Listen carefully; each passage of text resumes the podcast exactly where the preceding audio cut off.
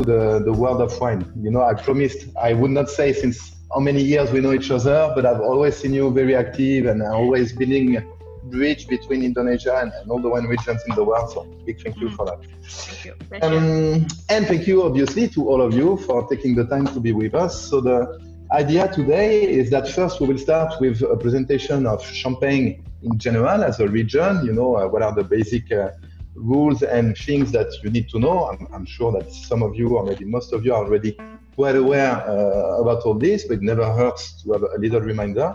And after that, I will tell you more about Taittinger as a family, as a company, uh, how we see Champagne in general, what's happening in, in the life of the company. And after that, I will open for you a bottle of the Brut Reserve so that we can uh, see together what are the, the main features there before moving to question and answers, as Welia was saying. Uh, it's it's uh, of course with this uh, video format uh, quite different from what we are, we are used to do. Uh, that has limits, uh, as Welia was saying. Questions cannot be asked instantly, but please feel free to ask anything. We will take the time to reply all of the questions at the end of the session. Right? Let's get to it. Donc, et c'est parti. Okay. Okay, so uh, usually I like to start by you know repositioning a little bit Champagne region in, in the universe of uh, wine in, in the world and, and Europe. You know that in Champagne, like in most of European countries, it's the Romans who first started to grow wine. You know that uh, 2,000 years ago, most of Europe was under Roman domination, Italian domination. Uh, and he said and note that uh, they would always love to grow wine in the countries where they would go uh, particularly along the riverside, as they would always give wine to their soldiers before going to battle. You know, they were the, the most powerful army back then. They conquered uh, uh, many countries, so probably partially thanks to the wine consumption. After the fall of the Roman Empire, the wine production everywhere in Europe decreased a lot, as it's only a few monks that would uh, here and there produce wines or spirits, uh, mostly to generate some revenue for themselves. So before seeing a resume of wine producing at a larger scale, we have to wait until 9th, 10th century and uh, the interest of our English friends to the French wines. So in Champagne region, um, still wines were produced until more or less the half of the 18th century. That's when the first um, sparkling wines of Champagne have been produced. And since then, there have been, of course, a constant evolution in the growing, in the split of uh, of varietals and in the way the, the wine has been approached. Um, other quite interesting thing about Champagne region, which explains partially why there is such a strong link between Champagne wines and royalty, is that in Reims we have a very big cathedral, you know, the same um, um, architecture as the Notre Dame in Paris, you know, the one that burned terribly last year. And in that cathedral in Reims, 27 kings of France have been receiving the crowd. So, of course, century after century, that was making a very strong statement that royalty is in Champagne. Sorry. so, in Champagne, the wine, uh, sparkling wines, as we know, were uh, founded, as I was saying, around the mid 18th century. Uh, but we have to wait until the beginning of the 20th to have an appellation like the other one regions. And this appellation, like the other one regions, will obviously uh, give us some rules and some uh, points that we have to follow if we want to be able to use the name Champagne. Alors, first thing that the appellation, the AOC will uh, give us is the area of production. So Champagne, as you can see on the screen, represents around 33,000 hectares of vines. And with that, the region will produce around 300 million bottles per year. Of course, that changed from a year to another, mainly in function of the quality of the harvest and the world demand for champagne. All uh, those areas of production are divided into five uh, subregions, and these five uh, subregions have a total of 319 villages. Don't worry, I will not tell you the name of all the 219 villages. Uh, what you might just want to know is that there are three different levels of quality. Um, basically, the very top level is what we call Grand Cru, Great Growth. I know it's like in, in Burgundy or Alsace. So that represents uh, only 13% of the Champagne grapes. It's very small and only for Chardonnay and Pinot Noir. And if you go one level down, you have what we call the Premier Cru, first growth, with this time around uh, 20% of the production. So if we see it from very big, 30,000 uh, hectares of vines divided into five sub-regions that include 300 villages. All this will give us three qualities of grapes. The very best, the Grand Cru, like the bottle of Comte de Champagne that our friend Billy was holding a little bit earlier. Then one level under the Premier Cru, and finally the uh, regular level. We grow in Champagne mainly three grape varietals. Uh, I'm sure you're already very familiar with them. I will name Chardonnay uh, at first, not because it's the most produced, as it's in fact the less produced, but because it's the most important for us at Taittinger. There is then the Pinot Noir, very well uh, known in the world, the most produced grape varietal in Champagne region with almost 40% of the production, and then the Pinot Meunier. Here they are, these grapes. Alors, Chardonnay is obviously the only white grape in the region. Um, why is it the less produced grape varietals? Chardonnay has always been more sensitive than the other grape varietals. Now it's around 30% of the grape production, but in fact, if you go back in time uh, to the end of the 19th or beginning of the 20th, there was even much less uh, reason for that. Lots of people would prefer to stay away from Chardonnay to limit the risk of losing grapes before, because of uh, whatever problems. So to keep it easy to remember, we will say that Chardonnay will bring elegance, finesse uh, to the wine. So basically, it's not about having a very strong slap of, of flavor straight to your face, but on contrary, to have a very delicate, very subtle uh, wine. At Taittinger, Chardonnay always uh, dominates all of our wines. That's really what brings this uh, so delicate and elegant touch uh, that's so dear to our style. Second grape varietal, Pinot Noir, uh, everybody knows about it. Funny thing, if in the world of red wine, Pinot Noir is always considered as a light body varietal, in Champagne it is the most powerful out of the three grapes. So it's really the, the Pinot Noir that will bring the, the, power and intensity to your wines. And finally, the Pinot Meunier, third grape, not as famous as the other ones, as there is no Pinot Meunier straight wines. Uh, it's obviously a cousin of the Pinot Noir, a little bit lighter in taste in, and color. And it's a quite important uh, grape varietal in Champagne region with 33% of the production, one third uh, of the total uh, grapes production. Particularities of the Pinot Meunier, it ages, it gets ready a little bit faster than the two other grape varietals. So people who like to do a shorter aging would tend to work a little bit more on Pinot Meunier or at the same time, if you are looking for, you know, an oxidized, uh, aged wine taste into your wine, you can have more Pinot Meunier, age it a little bit longer, and the phenomenon will go faster than with the other grape varieties. Alors, how to make champagne? well, of course, uh, it's not about uh, being able after this to go buy some grapes at the supermarket and make champagne in the kitchen, but uh, well, I think it's, it's, quite interesting to see the different steps of the making, uh, you will see that one of the, the, the very interesting again feature of, of Champagne and that process is that at many steps we have possibility to push the quality level much further than uh, the minimum required by the AOC. You know, we don't have so many villages and, and things like that in the classification in, in Champagne. So of course you will have quite big uh, quality gaps even within the same category of grapes, being regular, premier cru or grand cru. So of course, the efforts that every producer will make in the making uh, will have a huge impact on the quality of the wine. So let's start in the vineyards. And first thing to know is that by law, the harvest in Champagne region is made by hand.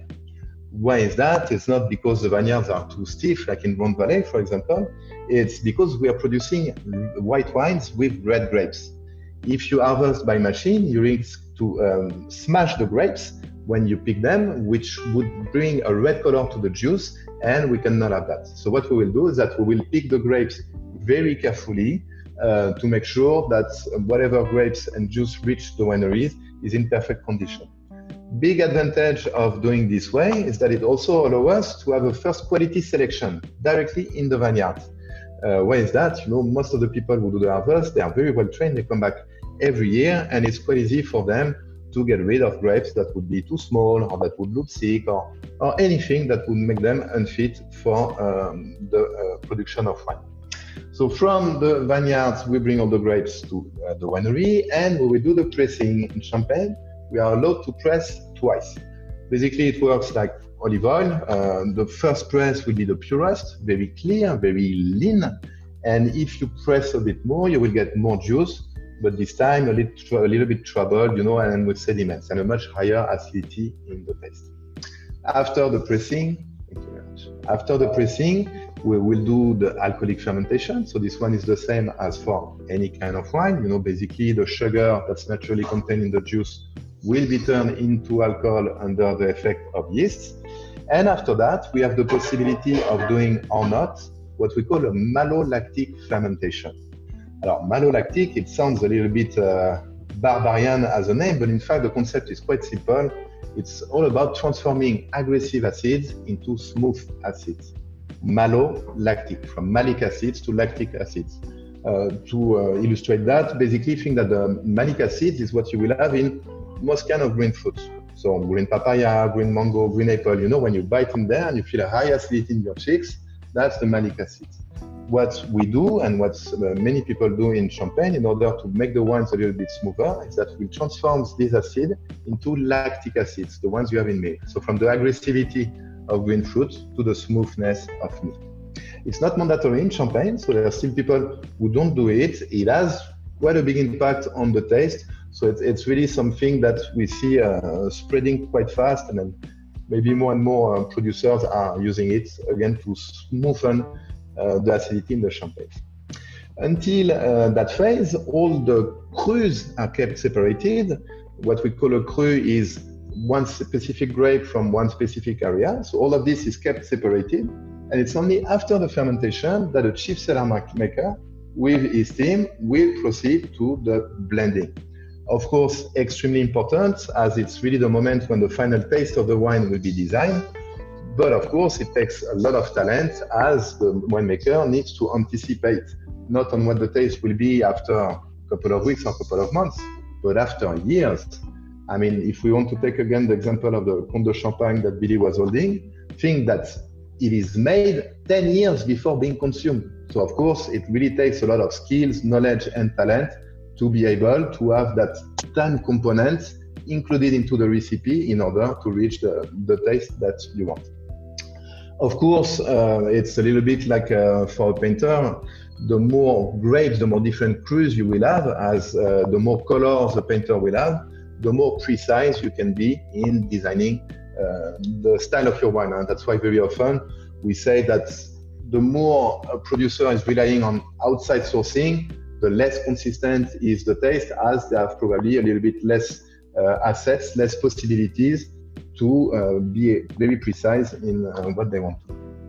So after the blending, we will obviously wait a little bit. We will bottle the wine and we will put it in the cellars for the last phase. Sorry, the aging on lees. So basically, what we use, I don't know if you, uh, is already the same bottle as the one that will go all the way through the table of the consumer. We add a little bit of sugar and we seal the bottles with a crown, like on bottles of beer. That's where the last fermentation will start, what we call the prise de mousse, the foam taking. So it's still yeast that are still working on the sugar, but this time instead of producing uh, alcohol, it will produce carbon dioxide. So that's how the bubbles come into the wine. That takes around two, three weeks to be finished. And in fact, that's one also of the big particularity of champagne compared to sparkling wines. You know, the fact that the fermentation is done in a bottle and not in a big tank uh, not only gives us bubbles that are much finer, much tinier, but also they will last much longer. You know, it's a funny uh, trick to do if, if you want to have fun with friends and make a demonstration.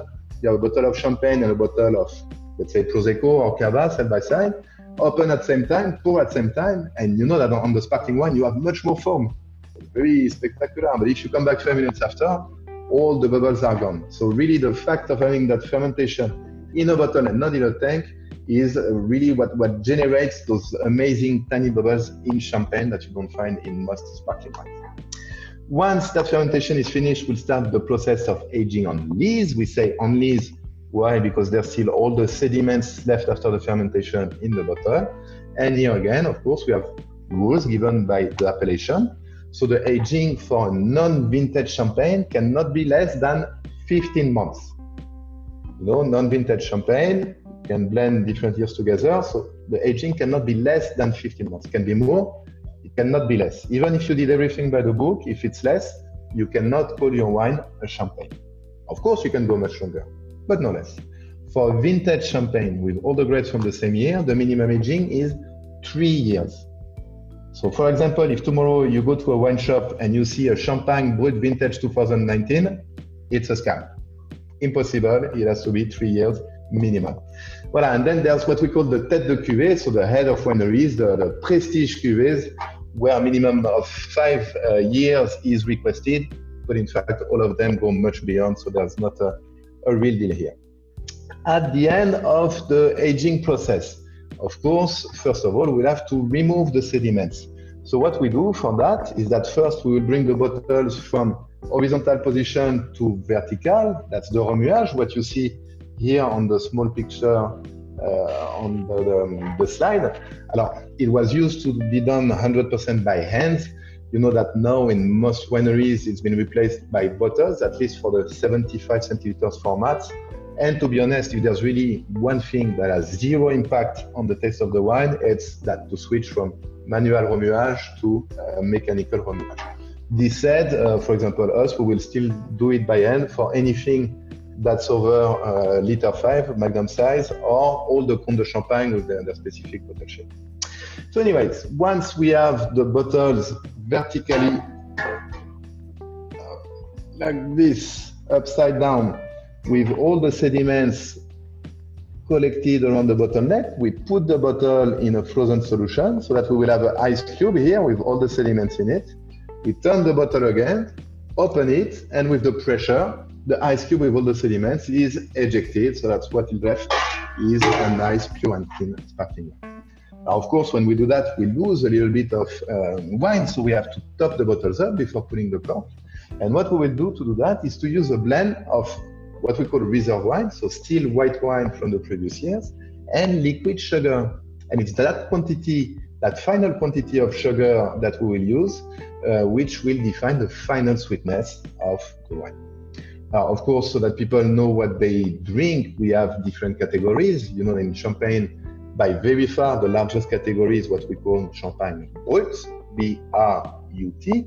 So that's basically between 6 and 15 grams of sugar per liter. That's really the, the, the immense majority. But for people who like it drier, you can go to an extra brut or zero dosage. For people who like it sweeter, you can go to sec or demi-sec or do. So there's quite a wide panel of options from zero added sugar to relatively sweet so that everybody can, can find what is their favorite style. Uh, also, of course, that will change the, the possibilities of uh, food pairing. Uh, just maybe a, a, quick one. You know, when we talk about those grams of sugar per liter, the dosage, I'm not sure if everybody is, familiar with that.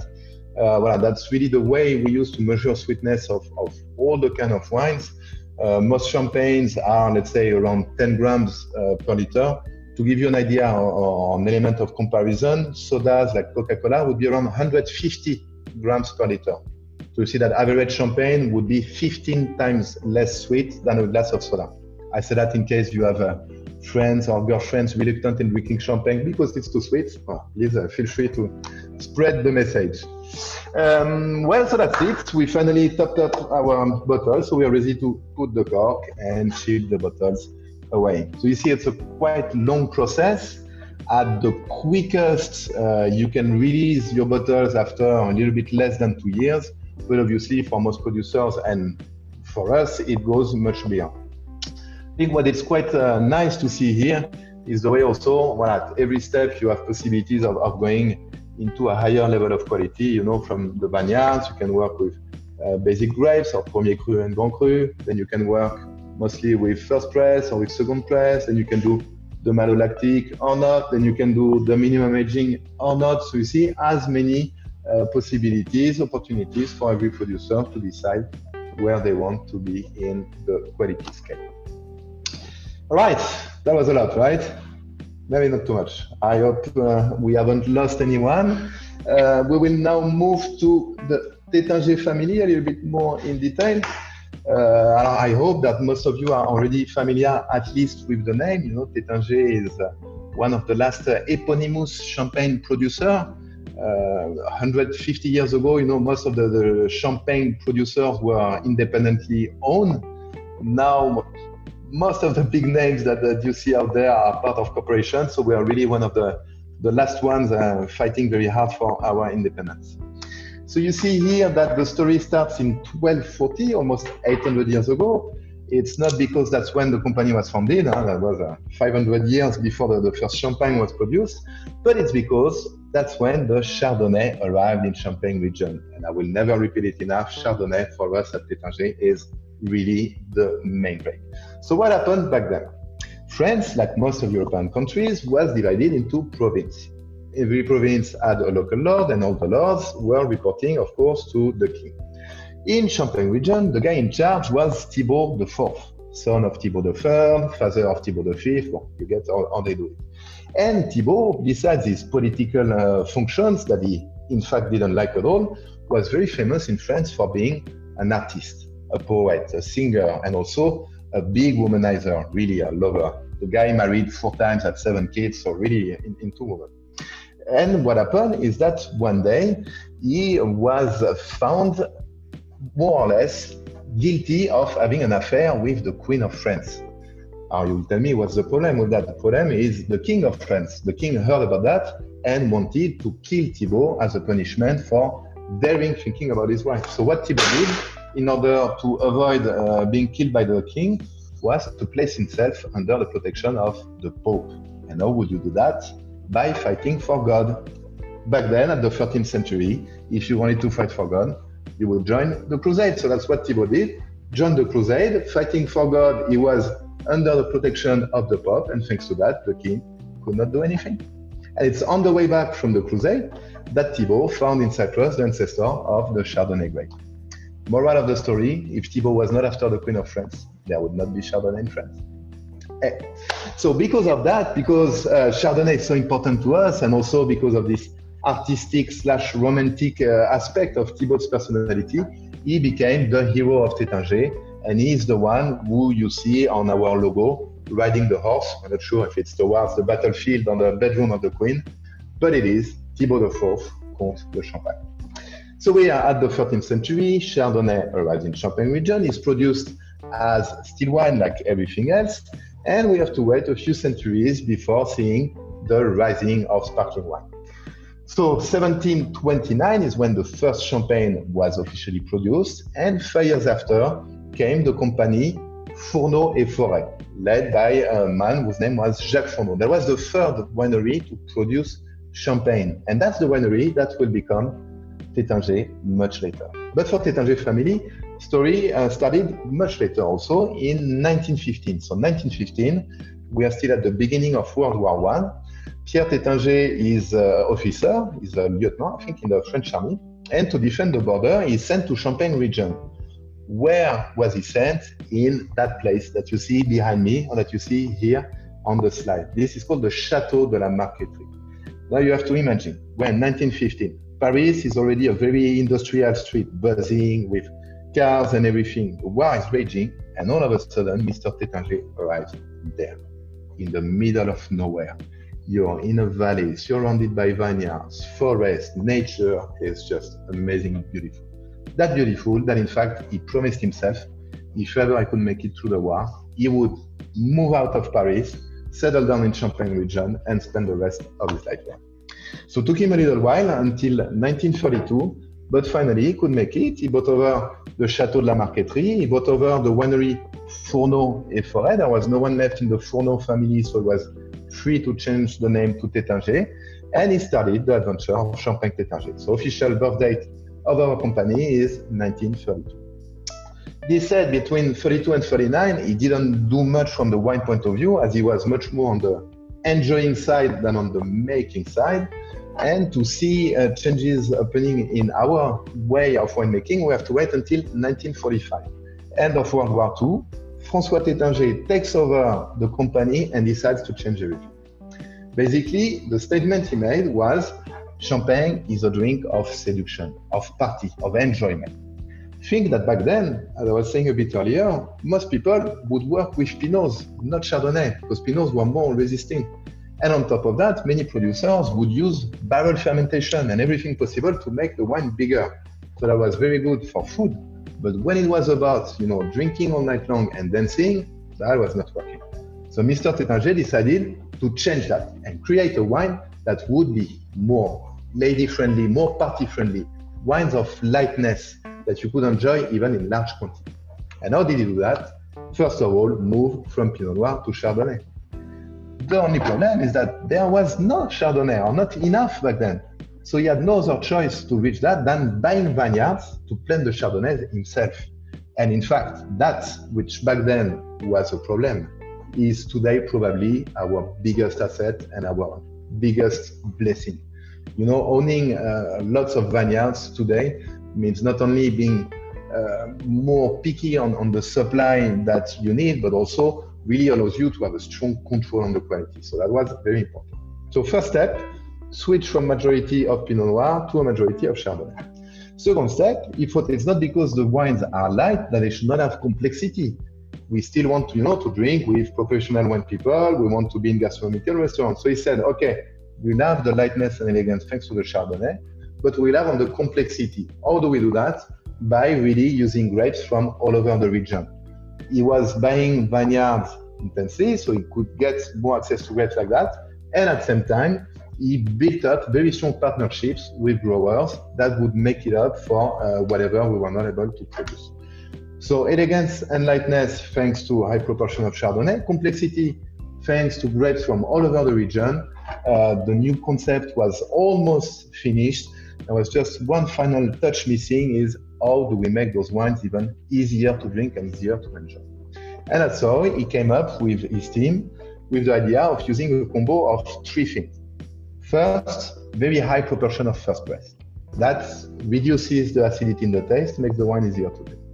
Second, full malolactic fermentation. Same. Full on all the wines, you reduce the uh, taste acidity. That makes the wine easier to drink.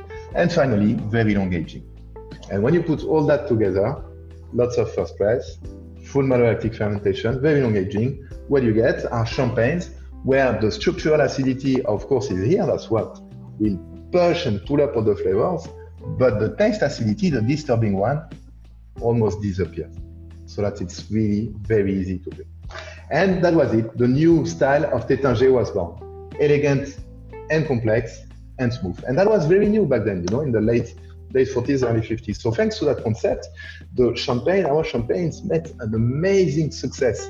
Uh, particularly in Europe, of course, because that's where the, the family was the strongest, but also uh, in USA, for example, where Taittinger became quite quick one of the, the major brands. A few years later, with the same idea of uh, champagne of lightness and elegance, François Taittinger came up with the idea of Comte de Champagne Blanc de Blanc. So basically, still working on Chardonnay, but this time only Chardonnay and not any Chardonnay, but only the very best, the Blanc Chardonnay. Unfortunately uh, for him, François Taittinger could not enjoy the success very long. In 1960, he died in a car crash, and it's his younger uh, brother, Claude, who will take over and keep the management of the company for 45 years until 2005. Uh, during that time, Champagne was doing very well, but that was just a small fraction of the family businesses. The family was more famous for their hotel business. They had uh, close to a thousand properties all across Europe, including some of the nicest names in Paris. But there were also some quite nice side businesses like the Baccarat Crystalware, for example, on the perfume Annick Goutal, on other wineries like Bouvet Ladubay in, in Loire Valley. So quite a lot uh, of businesses in a big luxury empire. So 2005, he retired. Uh, problem is that it's a very large family. You know, he was afraid that uh, some of the family members would fight to split the business. You know, we've seen that in, in so many big families. Uh, bit of jealousy, where you have the champagne, where you have the hotel. So, in order to avoid that, what he did is that he sold everything, and it's only one branch of the family who bought back only the champagne. So, no more hotels, no more perfumes, no more anything. Only one branch of the family taking care of only the champagne. So here they are at the bottom right of the slide. You see on the right Pierre-Emmanuel Taittinger, who was our president until 31st December last year, who is now uh, our probably uh, most sparkling and elegant part-time ambassador as he, he retired from his uh, position of president. And now the new boss is Vitalie that you see on the left.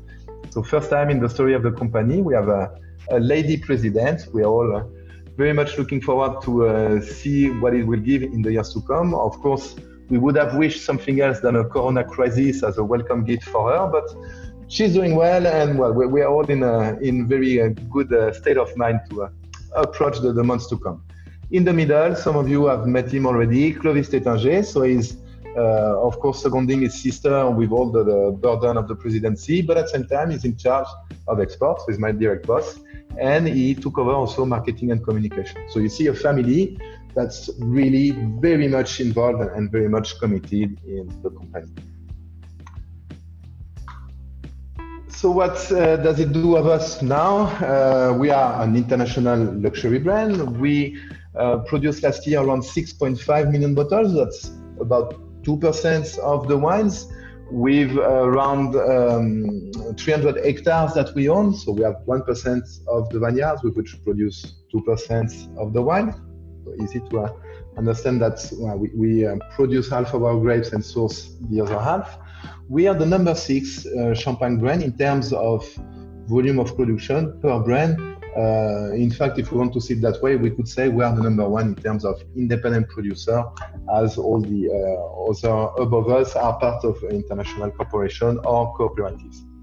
We um, do around 85% of our sales in export. What does it say? You know, it's just uh, to say that unlike many, we don't only work on the French or European market. You know, France itself absorbs more than half of the champagne production every year. It's very huge. You know, there are hundreds of producers that you will never see outside of France of, of Europe. But for Taittinger, since day one, it's been our DNA to spread the word, to be, uh, you know, uh, spreading and, and, sharing our champagne with the whole world. So that's really something that's very important to the family and that we'll still do. And we welcome around 100,000 visitors every year, not this year, obviously, in our underground cellar. So here, I really encourage you, if ever you make it to France, it's probably easier for our friends in, in London, but please do us the honor, come and, and pay a visit to the winery. It's, it's a beautiful tour outside uh, the ground where we'll explain you uh, how we do the wine and where we'll drink it with you, or underground where you can really uh, dive into history and enjoy those cellars from the fourth century. Uh, thanks to that very good balance that we offer between you know quality of the wine and image the company. We've been able to build uh, during the years lots of very strong partnerships. You have a few examples here on the screen. You see it's quite diverse huh? from uh, traditional hospitality actors like the hotel chains but also through sport organizations cultural organizations uh, bit of everything really. And all these people deciding to work with us. Why? Because we have a wine of a very good quality but also a very good image and a very champagne uh, image that we are conveying so little uh, summary again of, of what really uh, i would like you to remember about Taittinger. Uh, again family owned and managed uh, maybe some will not understand why it's so important and why it makes so much sense when you talk about quality wine, that it's a family that owns it. Well, I would tell you that if you put your own name on a product, of course, you always want to make sure it's good. You have only one name, you cannot change it, you cannot bastardize it. So uh, the commitment to, to your client is obviously a little bit higher. Uh, other very important things, those vineyards that we have, I was saying close to 300 hectares. You see here 288 hectares of vineyards and uh, again, uh, not it's not only it's a very good asset to control the quality of what we produce, but it also helps us a lot to be a bit pickier every year when it's about buying grapes. You know, some people have no other choice than buying anything they offer because they have to maintain a production level. We are the exact opposite of that. Uh, first, we see what good grapes we have, and then we transform it into champagne. And voilà, owning uh, half of uh, our production uh, vineyards is, is, a very great asset for that. Uh, to summarize, I would say that Taittinger nowadays is a family producing pleasure champagnes around three points. If you want to explain your friends, your clients, or whoever what are Taittinger champagnes, three those three words that you can keep in mind. elegance, elegance thanks to lots of, of Chardonnay, complexity, complexity thanks to grapes from everywhere, and smoothness. Smoothness thanks to uh, long aging, first press, and malolactic. Elegant, complex, and smooth. Well, that's uh, probably all I will tell you about the company uh, right now. I see we are slightly behind schedule, not much, so it's, it's still good. Um, we will now open a bottle of Brut Reserve. I know that not all of you will have the chance to have a bottle with you, but uh, regardless, you know, sorry about that for the ones who don't. Uh, basically, you know, Taittinger Brut Reserve, it's really the, I cannot see so well, really the most important champagne for us. Maybe not the most famous. The not. The most famous would be Comtes de Champagne, obviously. But the most important, as for 95% of the people in the world, that will be the first contact with our champagne. So of course, here, uh, not only we will not take any risk with the quality, but also we will really communicate on what is our style and what people can expect if ever they move up in the range.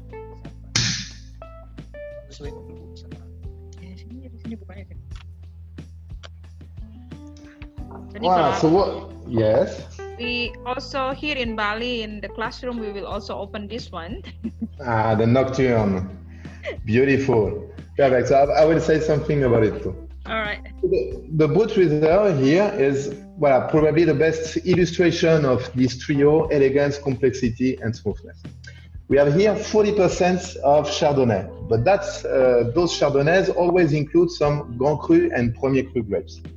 We have here 35% of Pinot Noir to give a bit more of extra power, 25% of Pinot Meunier to wrap it up with a nice fruitiness and acidity. We have here over 90% first press, aging on lees between three and a half and four years. Maybe you remember that. Oh, nice. Maybe you remember that minimum aging for non-vintage is 15 months. So here we are close to three times the minimum. What to expect here? Obviously, nice elegance and subtlety that the Chardonnay will bring. Again, don't expect something too strong. Don't expect something that will take all the space in your mouth. It's not that. Is about elegance and subtlety. But at the same time, because there are so many kind of grapes, around 35 different crus here in this bottle, you will notice already on the nose, and even better on the palate after, a really nice diversity of flavors. And not only it's very diverse, but you will see that when you put it in your mouth, it's perfectly balanced. So we have a champagne that's light and delicate, that's flattering because of all the flavors, smooth because none, nothing is really dominating. And you will see that one of the, the really remarkable feature here is the length of finish. I mean, again, we are on brut, not vintage champagne. This is, I hate to use the word, but it's our entry level. See already when you have the chance to taste it, how long those flavors will stay in your mouth and also how with every breath you will get a new flavor flavors bouncing around. So this is our entry level, but at the same time, again, it's our most uh, important champagne, very well acclaimed in the world. It's uh, it's a champagne that many restaurateurs and hotels like to work with for the reason that it's very easy to pair. You know, there are other great champagnes out there, but more typicized. That means you lose some of the people because it's too strong, because it's too oxidized, because it's too aged. Here at Taittinger, we really want to have a, a, champagne that will work as well with someone who's drinking for the first time of his life. You know, it's fresh, it's not over acidic, it's not over alcoholic, it's very well balanced, it's easy to drink. But we will also please the wine specialist. I mean, again, if you look about the, the, the diversity of flavors, the richness, the complexity, and the length, this is really uh, talking to, to high professionals. So we have a champagne that's at this crossroad you know, an amazing champagne of, of party and entertainment for good moment of, of freshness without any any uh, headache, and at the same time a real gastronomical and high profile champagne that will please even the most demanding wine people, thanks to its balance, thanks to all the, the features it has. The nocturne that William and uh, friends are having in the shop in Bali is basically the same blend, but with twice the dosage. In the Brut Reserve, we have around 9 grams per liter. 9 grams, we think it's a very good balance uh, between round enough to be easy to drink and dry enough to really have the perception of the wine. Nocturne is twice that dosage. It's around 18 grams. So of course you lose a little bit of flavors. And what we do to compensate that is that we add some more crus in the blend, around 40 uh, different crus in here, and a couple of months to the aging. What we didn't want to do was to produce a sweet champagne that would end up in cocktails. Other people do that. We don't want to do that. What we wanted to do was a high gastronomy, high quality champagne with different food pairing possibilities. Uh, that extra sugar will work very well with spicy dishes, for example, but also with fat dishes. Nocturne is always the champagne of choice for things like, uh, you know, confits or foie gras or things like that. And also because the extra sugar makes it so easy to drink, that's why we made it kind of our favorite night champagne, even without food. there's zero disturbance of acidity in, in the mouth or, or in the uh, so cheers everyone, to the ones who can drink, to the other ones, I hope you can get a bottle uh, real soon. I'm not sure if the, the, liquor shops are already open in London, but uh, hopefully uh, you will be able to put a, a, wine on my words very soon. Cheers.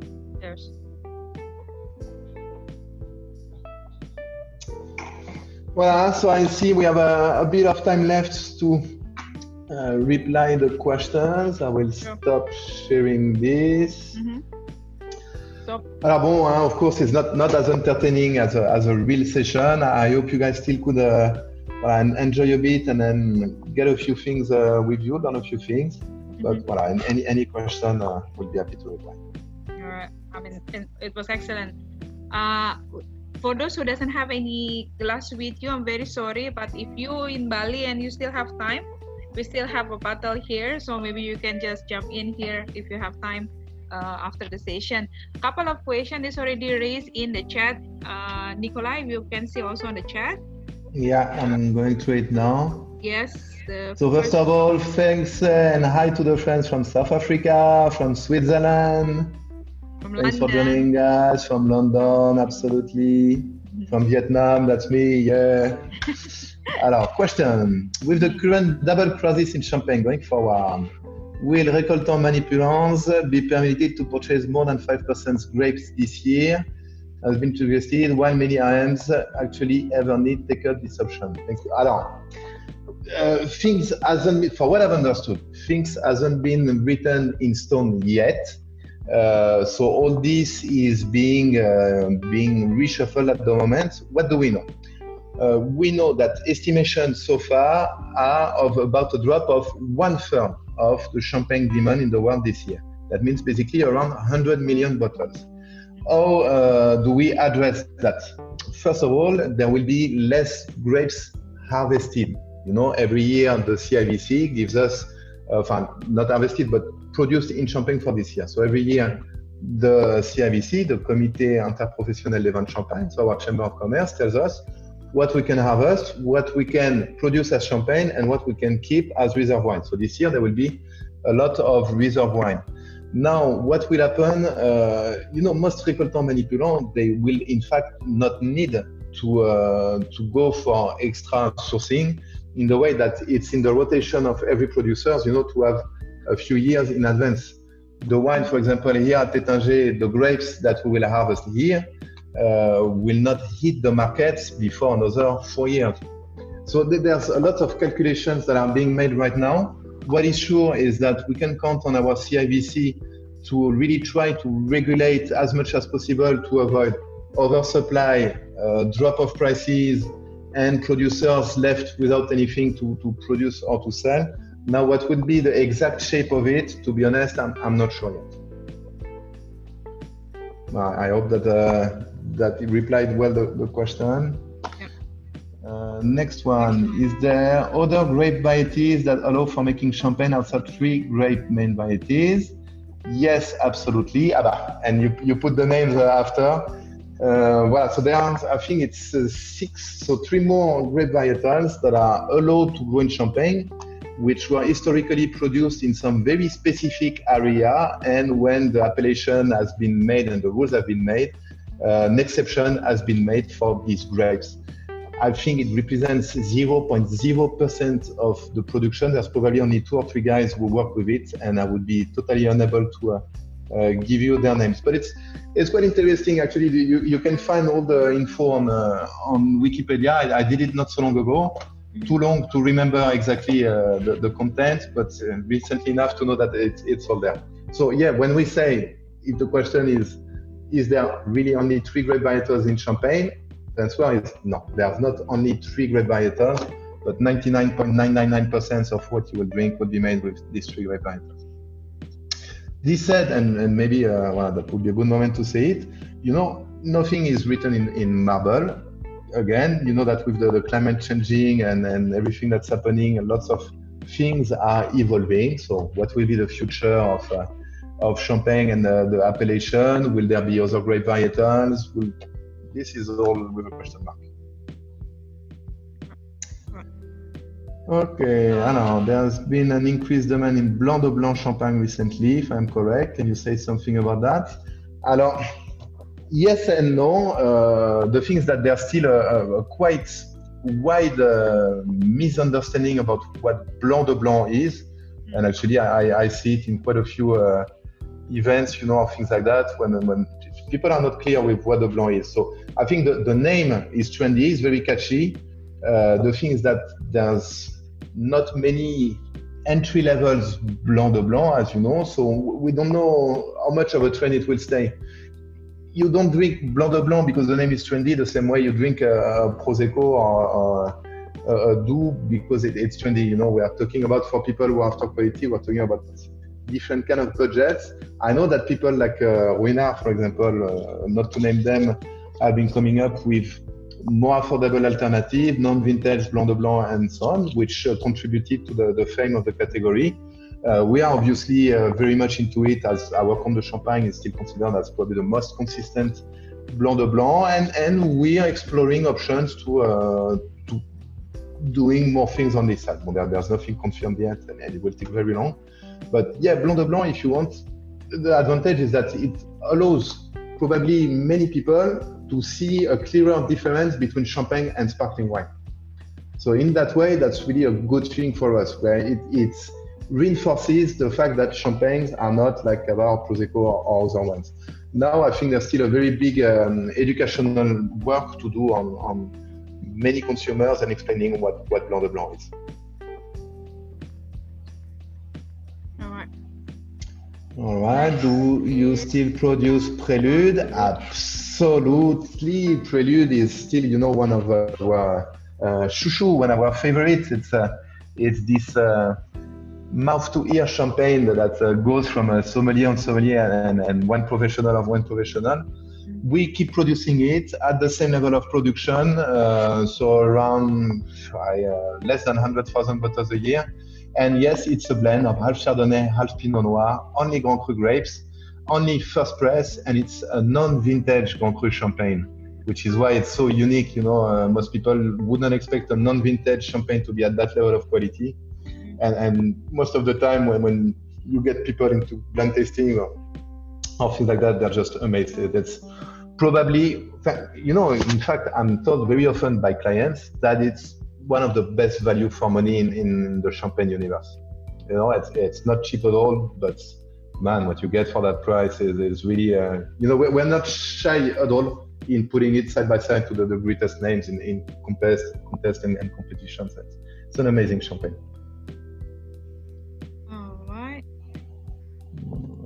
Thank you for the the good comments on the presentation. Thank you for not writing any bad comments. Appreciate that. Back to the Another question from Billy. Hello. Yeah, Billy, when can we expect Domaine Carneros to be available for export? I know, my friend, I know. Uh, the thing is that it's constantly out of stock. Domaine Carneros, for the ones who don't know, is a winery that we have in northern Napa Valley. In actually, Carneros is the name became the name of the is the name of the region. And there we produce sparkling wines, but only super high level, only vintage, only first place. So with all the, the quality criteria of Taittinger. The thing is that 95% is consumed in US domestic markets and, and we can never satisfy the demand. So it, it's very hard for us to export outside of the US. But Billy, your request has been duly noted since the three years already. and uh, one day we'll get it. I promise. Okay, that's interesting. The thing is also that if only that uh, the wine can be shifted, uh, we hope that the regulation of Indonesia will be soon changed, so it's open door for us. Otherwise, it will be yeah, but, you know, I think that's why that's why Billy is asking for this one. It's produced in the US, so it's not a European product. So oh, that, maybe that, that's the reason. Yeah, that could probably go through. True, true. Uh, I mean, uh, for yeah. for those who are not familiar with Indonesia condition right now, so it's actually that's uh, the condition about the the trading. So the the Indonesian government is banning uh, most of the European product, including wine so meaning that uh, it's we we the importer like Pak Billy uh, is was not be able to import the wine to Indonesia because of that regulation. So whatever uh, whatever bottle that we are thinking is basically whatever the last stock. Uh, I think this is a private collection from Gary. That's why we still have uh, the bottle uh, today to, to to drink. All right. Any other question from anybody? Okay. Uh, uh, Nico, if you can a little yes. bit, when you do the explanation about the making of the champagne, how is mm-hmm. mm-hmm. the non-vintage or, or, champagne made? I mean, I know that you didn't reserve the wine, but how is actually you blend it between couple of the vintages or what? Alors, for us, I, you know, uh, one funny thing let, let me first re-explain the difference between a vintage champagne and a non-vintage champagne. Yeah. A non-vintage champagne is changing the recipe every year in order to get the same taste. Mm. A vintage champagne is the opposite. Mm. Is keeping the recipe to change the taste. So non-vintage is change the recipe to keep the taste. Vintage change uh, keep the recipe to change the taste. Yeah. This to say that there is no fixed frame. Mm. So average for us, a Brut Reserve would be 70% from the main year, 20% one year older, and 10% another year older. Okay, so three different years, 70 from year one, 20, mm-hmm. and 10. But he said there is no fixed rule. And we can change that anytime, any year, if it's what we need to do to have a consistent taste and quality in, in the Brut Reserve. That, that's really the main thing. Alright, get it. Uh, Gary want to ask you something? No? Yes, Gary. Gary? And I just continue about that. Uh, just want, and for the vintage, what, what is it? Can you explain a little bit about the vintage champagne? Uh, so yeah, basically vintage will be uh, at least 95% grapes from the same year. And what we want to do with a vintage would be to highlight uh, of course, the, the particularity of a year. So vintage champagnes normally are not produced every year. Uh, will be only when there's a there's a special special interest in doing it, mm-hmm. and of course you are limited in the grapes you can use and also in in the making. Uh, maybe you remember that the minimum aging for vintage champagne is three years, so uh, a, a, bit longer than non-vintage champagnes. Uh, as I was saying, for vintage champagne, you will keep exactly the same recipe from a vintage to another so that the difference of taste will illustrate what happened. You know, if you take, for example, uh, if you compare, let's say, 2005 and 2007, uh, what was the point of doing vintage champagnes that year? This year, 2005 was to show what a, uh, extra maturation, extra ripening from intense heat would give in terms of taste, whereas 07 will be the contrary, you know, and will show you uh, as you can see on the Pont de Champagne right now, how a more, um, let's say, measured and, and temperate weather can give a different leanness, different linearity, different tension. So that's really the advantage of vintage champagnes is to see what is the impact of conditions, mainly weather, but conditions in general to uh, to a specific year. All right, all right. So any other except of everybody saying thank you for the presentation and etc yeah i will i will pass the regards to clovis. Actually I have a phone call with him just after this so the, the greetings will be passed. Okay, c'est un scarf she design ah yeah. Yeah they're nice. And unfortunately now she, she, might not have time to do that anymore so uh, you, you, should really cherish that collector item. Yeah that's true. It's really a personal uh, collection only Another more question from Togu. Is there any vintage for uh, that Comte des Champagne didn't produce? Oh, many. You know, the first vintage of Comtes de Champagne was 1952. We will release 2008. So that's 56 years. And in 56 years, we produced 35 vintages only. So that's 20, 21 years that have been skipped. And you see, if we talk about more recent years, so now 08 is about to come, there is no 9 and no 10. So that will jump directly to 2011. The ah. same way, there was no 2001 and no, no 2003. You know, really, a wine like the Comtes de Champagne, it's either we can produce it at the top or we don't do it. As simple as that. You know, we are a family company. For us, there's much more added value in protecting the image of the wine than just bottling it because we have to sell it, because we have to pay dividends to, uh, to whoever investors. You know, if there's any doubt, like we could have done a bit of Comtes de Champagne Blanc de Blanc 2009. I mean, quality of grapes was there.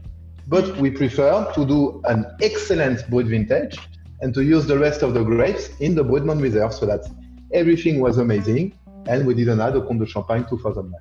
We prefer that as opposed to have a Comtes de Champagne 2009 and then be struggling with all the cuvées to, to maintain the quality level. If we have to sacrifice Comtes de Champagne, we do it. If we are not sure Comtes de Champagne will good, be good enough, we don't do it. Mm-hmm. And following that, there's another question. What is the best vintage for the CDC ever? From Henry. It's, uh, it's a very hard question. Uh, they're, they're all they're all different and beautiful. If you ask me, it, it's a story of personal taste. If you ask me right now, I would tell you 2002. You know, 2007. Sorry, I know everybody is 2002 was so amazing. I'm, I'm a huge fan of the 2007. I found right now it's a beautiful balance of everything. It really talks to me. But people who are more into aged champagne will prefer older vintages. People who are into more extravagant will prefer warmer year like 2005, uh, as we just mentioned. Or people would like more lean or, or more old on would prefer 2002. So it's really, there's no best vintage of Comtes de Champagne. And if you have to take something home, it's like, if Comtes de Champagne is bottled, it is an amazing vintage. Because you know, when you ask me that, Henry, it's almost like asking me which is the worst vintage of Comtes de Champagne. And there's not such a thing. That's true. uh, is that thing is apply also the are you guys organic uh, viticulture? You know, are you doing those uh, organic? Yeah, we we, we we call what we do the um, agriculture raisonnée. Okay. Well, let me try because actually I have something. Why is it? Well, I, can't find it here, but yeah, we, we, we are one of the pilot company. So together with the CIVC, to try lots of, uh, of new uh, new techniques. Basically, right now what we do is we look a lot of what people are doing in Germany in terms of uh, in terms of reducing the, the products and stuff. So we, we are not after the organic or the bio classification, but we do everything we can. Mm. All right because nowadays like everybody talking about the organic you know biodynamic natural those kind of things right? So, yeah but you know our our general winemaker general manager and winemaker Damien Le Sueur, he has a very good way to reply to that. When people mm. are asking him you know uh, why do you still use product? Why you're not bio? He said yeah it's very easy my friend. When your kids are sick you give them medicine or you look at them suffer. Ever the vine is the same you know? It's not we don't go every day and, and put medicine everywhere, but when there is something to address, it has to be addressed. So that's that's where we are, and that's what we do. All right, noted then. That's really interesting to you know to describe between those two. Okay. Uh, oh, Henry keeps. Are you practicing organic already? Uh, Togo, I already asked that. Mm-hmm. Uh,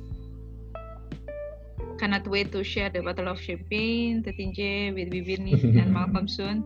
So, I mean, uh, it seems like invitation. So hopefully after everything is open, we can get together and having a party. As the principle of the Tetinje itself is something to be, to be for fun and celebrate and, you know, to share with uh, your friends and your colleagues. Any other question, guys? Ada lagi yang mau bertanya? Silahkan. All right. If it is not, Nicola, from your yeah. side, any closing station from your side? Thank you very much again to everyone. Terima kasih. And uh, voilà, we, we are now every day is better than the previous one. You know, yeah. we, we, we decided at the company we don't want to talk about it, we don't want to talk about it anymore, not because we, we uh, deny it, mm-hmm. but because the whole thing is the opposite of, of the champagne spirit. So mm-hmm. it's about love, about pleasure, getting out, sharing the bubble, sharing the love. And, and voilà, I hope uh, you will all have a very good uh, unlocking yeah. down uh, period right. and, and very good months so, to come before closing i would like also to say thank you especially for the uh, for everybody like uh, for our uh, importer Jadi for in Indonesia importer, uh, Mega Beverindo also for the distributor in Jakarta, uh, Best Wine in Bali, uh, for Jaba in Surabaya, and also my Lucky Vino in Bandung. Thank you so much uh, for allow us to have the session, especially for Nico. Uh, for uh, all already participate thank you so much from all over the place basically thank you so much for joining us we will continue the next session which is next thursday it will be very interesting marcos are you still here marcos so next week we're talking about something that is not familiar for us, but something very very interesting. We usually only seeing that in the wine book. Basically, Marcos, you there? Yes, I'm okay. here. Okay, so Marcus will lead us next next week, and we are talking about Switzerland. Uh, so from from the Champagne, we are going to Switzerland, and we were talking about the Switzerland uh, wine region. So looking forward to your session, Marcus, next week. So thank you. Oh yeah, so uh, invitation will be out soon. So thank you so much. The last thing to do is the photo session. For those who still having the video off, can you put the video on so we can have a photo session virtual this is something that you know happening only on the on the COVID situation that we're taking a picture like this. okay, Septi, your picture, your face, Ray. Alright, Cecilia, udah mandi belum Michelle? Belum. Okay, one, two, three, everybody cheers. Okay, I'll go to the next window. One, two, three. All right, I still have many people not having the face yet. Maria, Hey, Andre, that's your biggest smile? All right. Thank you so much once again for Nico. Stay safe. Thank you, guys. Yeah, thank Thanks you so much for the opportunity. Bye bye, everybody. Bye bye. Take care. Bye. I unmute all so you can talk. okay. Thank you, Nico. Thank you so much. Thank you. Bye. Bye guys, thank you. Thank you so much. Bye Nicholas. Thank you Bill. Bye. Yo, sama-sama. Thank you. Billy, thank you ya. Enjoy champagne. Bye guys, thanks. Bye, thank you. Bye, thanks.